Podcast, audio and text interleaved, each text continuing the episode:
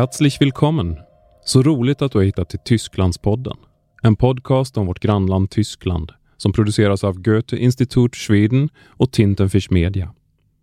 I Tysklandspodden kommer du att kunna lyssna på samtal med spännande människor som på ett eller annat sätt har med Tyskland att göra. Det kan handla om författare, politiker, filmregissörer, musiker eller någon som du vill höra.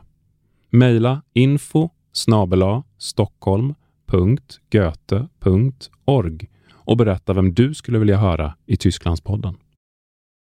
I varje avsnitt samtalar vi med en eller flera spännande personer. Ibland är intervjuerna på tyska med en sammanfattning på svenska. Ibland är det svenska hela tiden.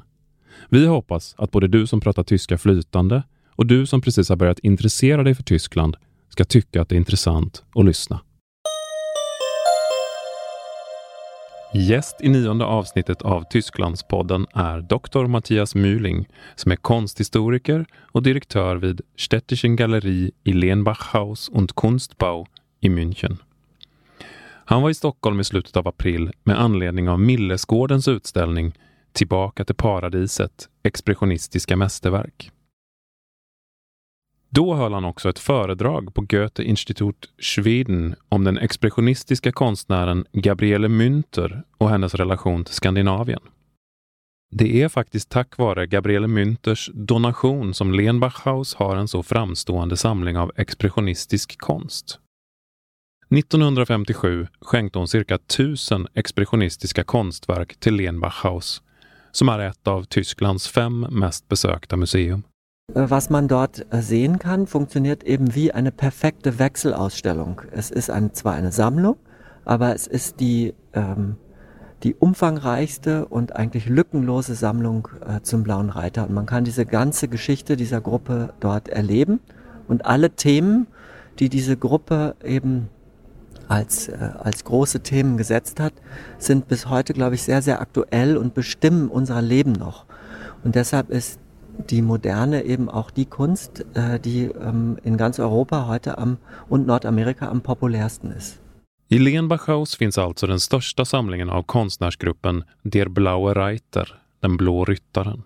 Mattias Mühling säger att expressionismen, som ju ingår i den större riktningen modernismen, är en av de mest populära konstriktningarna än idag och att den gör avtryck i vår samtida konst. Der Expressionismus man sieht, was man zuerst sieht, sind eben Bilder, in denen die Farbe im Vordergrund steht. Und das macht es natürlich erstmal einfach.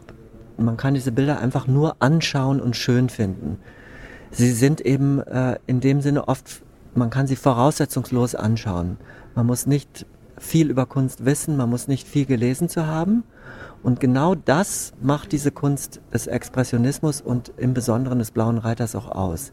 Es ist eben nicht nur eine einfach nur ästhetische Produkte, sondern es sind Dinge, die aufgrund von ähm, ideologischen ähm, Zusammenhängen entstanden sind. Das, der Blaue Reiter hat von einer besseren Gesellschaft, von einer besseren Welt geträumt und die Kunstwerke, die sie geschaffen haben, mussten eben quasi auch diese Ideen erfüllen. Der Blaue Reiters konst är väldigt färgstark och man behöver inte veta så mycket i förväg för att kunna njuta av deras konstverk. Mattias berättar att Der Blaue Reiter-medlemmarna drömde om ett bättre samhälle och att de försökte visa hur det skulle se ut i sin färgglada konst. Ein Thema ist zum Beispiel Abstraktion. Und Abstraktion ist eben nicht nur etwas, das nichts mehr darstellt, sondern Abstraktion ist diejenige Kunst, die nur Farben und Formen sind und keine Bildungsvoraussetzungen mehr haben. Es ist also eine Kunst, die jenseits von Nationalsprachen und jenseits von kultureller Bildung verständlich sind. Ob man quasi in Afrika geboren ist oder in Japan, in Russland, in Nordamerika oder Südamerika oder in Australien oder in Europa, das spielt keine Rolle. Abstraktion kann jeder verstehen. Die Kunst vor der Abstraktion hat sich immer auf die großen bildungsbürgerlichen Themen verständigt, wie Mythologien, die ja eben immer nur national verständlich sind. Abstraktion, former och färger står i centrum. Det gör att denna konst går att förstå oavsett varifrån man kommer. Alla kan förstå abstraktion, säger Mattias Myling. Det var också detta avståndstagande från nationen och betoningen av ett världsmedborgarskap och att all konst är likvärdig. Det var det som gjorde att nazisterna senare skulle döma ut expressionismen som entartete konst, urartad konst. Eftersom ju nazisterna själva gärna betonade sin egen överhöghet. Und daran sieht man eben auch, was die, was die große äh, Utopie da drin ist, nämlich, dass wir von sozusagen einer Menschheit äh, sprechen. Und genau das tut der Almanach der Blaue Reiter. Er spricht von der Menschheit und nicht von Völkern. Und ähm, deshalb äh, ist diese Kunst dann eben auch ähm, entartet gewesen unter den Nazis. Und äh, weil diese Idee, äh, dass jegliche Kulturleistung eben gleichwertig ist, dieser völkischen äh, Idee einer Herrenrasse so stark widersprochen hat. Konstnärsgruppen Der Blaue Reiter sprängde gränserna för måleriet och det föreställande. De hyllade den primitiva konsten. Även barns teckningar var viktiga för dem. Schönste Sammlung, die wir haben, sind über 250 äh, Kinderzeichnungen, die Gabriele Münter und Kandinsky gesammelt haben, als Vorbild für ihre Malerei. Weil Kinder sind quasi die unverbildeten, naiveren und auch besseren Kreaturen. Äh, wir wissen natürlich heute, dass es nicht stimmt, dass Kinder auch sehr gemein sein können, aber die Idee eben, dass Kinder nicht äh, Wesen sind, die man disziplinieren muss, damit sie gute Erwachsene werden, sondern dass Kinder freie und unverbildete äh, Kreaturen sind, deren Ideen und Kreativität bedeutsamer ist als die von Erwachsenen, ist eben auch eine sehr schöne Idee, die, an die wir heute noch glauben. Mattias berättar att Vasilij Kandinsky och Gabriele Münter samlade många teckningar av barn eftersom konstnärsparet såg barnens naiva blick på världen som en förebild som det gällde att ha när man målade. Konstnärsgruppen Der Blaue Reiter existerade ungefär mellan 1908 och 1914. Då splittrades de eftersom första världskriget bröt ut. Många av medlemmarna var tvungna att fly från Tyskland eftersom de kom från andra länder och därmed sågs som statsfiender. Das Revolutionäre am Blauen Reiter ist, dass es besonders viele Künstlerinnen in der Gruppe gibt. Und das Revolutionäre ist auch, dass diese Gruppe äh, im Wesentlichen aus äh, Menschen aus ganz Europa äh, und den USA bestehen. Also viele Ausländer. Und äh, der Blaue Reiter, das sind Russen, Franzosen, Amerikaner, Österreicher, Schweizer. Also das ist eine internationale Gruppe und genau aus diesem Grund zerbricht sie auch 1914, weil die meisten dann feindliche Ausländer sind und das Land innerhalb von 48 Stunden verlassen müssen. Det revolutionära i Der Blaue Reiter var att gruppen innehöll många kvinnliga konstnärer och också konstnärer från många olika länder. Då. Gabriele Münter var själv tyska och hon var inte gift med ryssen Vasilij Kandinsky så egentligen behövde hon inte fly. Men hon beslutade sig ändå för det. Hon flydde till det neutrala Sverige och Stockholm under första världskriget. I och med det blev det lättare för Kandinsky och hon att träffa varandra. Kandinsky kunde ju komma dit, till det neutrala Sverige. Och så var det också en anledning till. Gabriele Münter hade redan upptäckt den svenska expressionismen och kände sig besläktad med den. In Stockholm war das Klima sehr viel freundlicher gegenüber der künstlerischen Avantgarde als in Deutschland und gleichzeitig war es Kandinsky möglich, äh, nach Stockholm zu reisen. Gabriele Münter trivdes i Stockholm. Und Gabriele Münters Zeit in Schweden und in Dänemark war ihre erfolgreichste Zeit überhaupt. Sie hatte in Schweden sehr, sehr viele Einzelausstellungen, in Stockholm auch zwei große Einzelausstellungen. Eine davon war die größte, die sie überhaupt zu Lebzeiten hatte, mit 100 Gemälden, De Free Utstilling äh, in Kopenhagen. Und ähm, deshalb ist äh, diese, ähm, diese Zeit auch für äh, die äh, deutschen Expressionisten äh, sehr, sehr wichtig. Und interessanterweise ist das sowohl in Deutschland als auch in Schweden kom komplett vergessen worden. Ja, idag känner vi inte till mycket om Gabriele Münter eller kopplingen till den svenska expressionismen. Och det vill förstås Mattias Myling ändra på. Kandinsky är ju ett större namn i konsthistorien. Men Mattias Myling menar att det nu är dags att också lära känna Gabriele Münters konst. Själv beskrev hon sig som ett europeiskt barn och hon älskade Stockholm.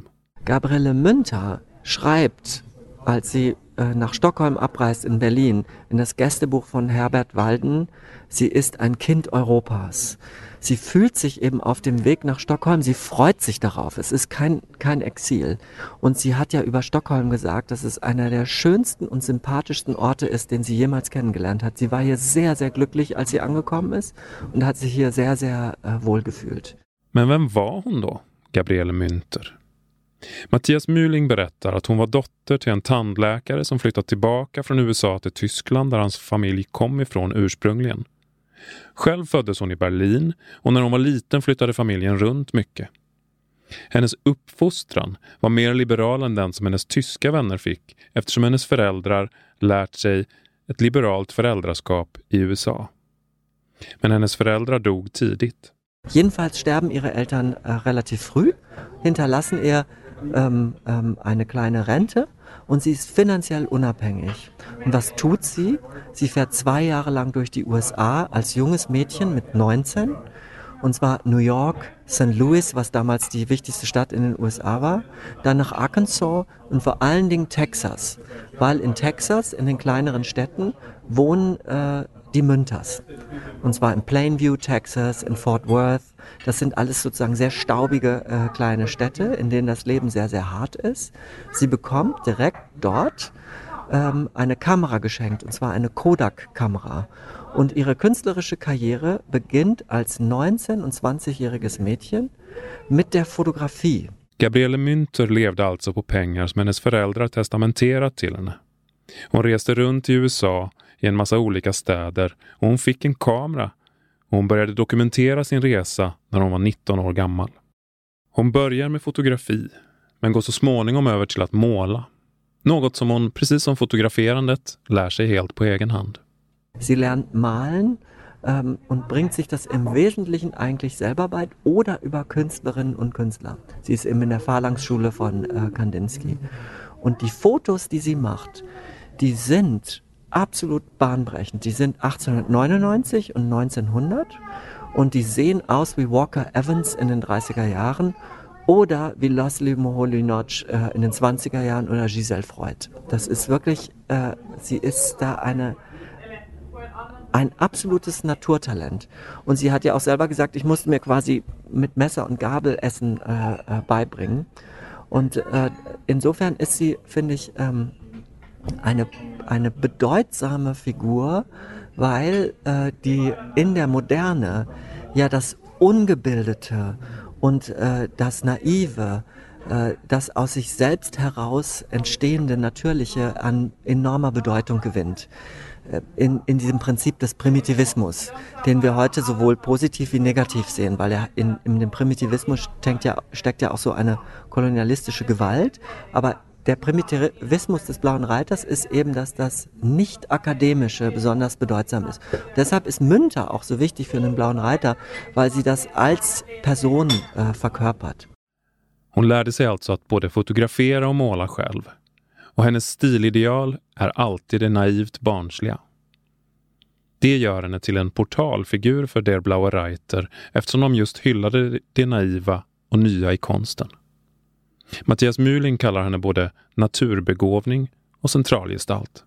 Das was sozusagen Afrika äh, für die äh, französischen äh, Avantgarde war, der in dem äh, Primitivismus, ist äh, für Gabriele Münter die Kinderwelt gewesen. Und äh, das sieht man auch sehr stark an ihren Bildern, dass sie sich sehr, sehr stark an, an Kinderzeichnung, einer kindlichen Ästhetik orientieren. Det där var doktor Mattias Myling som pratade om Gabriele Münter och konstgruppen Der Blaue Reiter. Och det var allt för den här gången. Andreas Tilliander var ljudtekniker. Jag heter Mats Almegård och jag producerar Tysklandspodden på Tintenfisch Media AB för Goethe Institut Schweden. Vi hörs snart igen. Auf Wiederhören!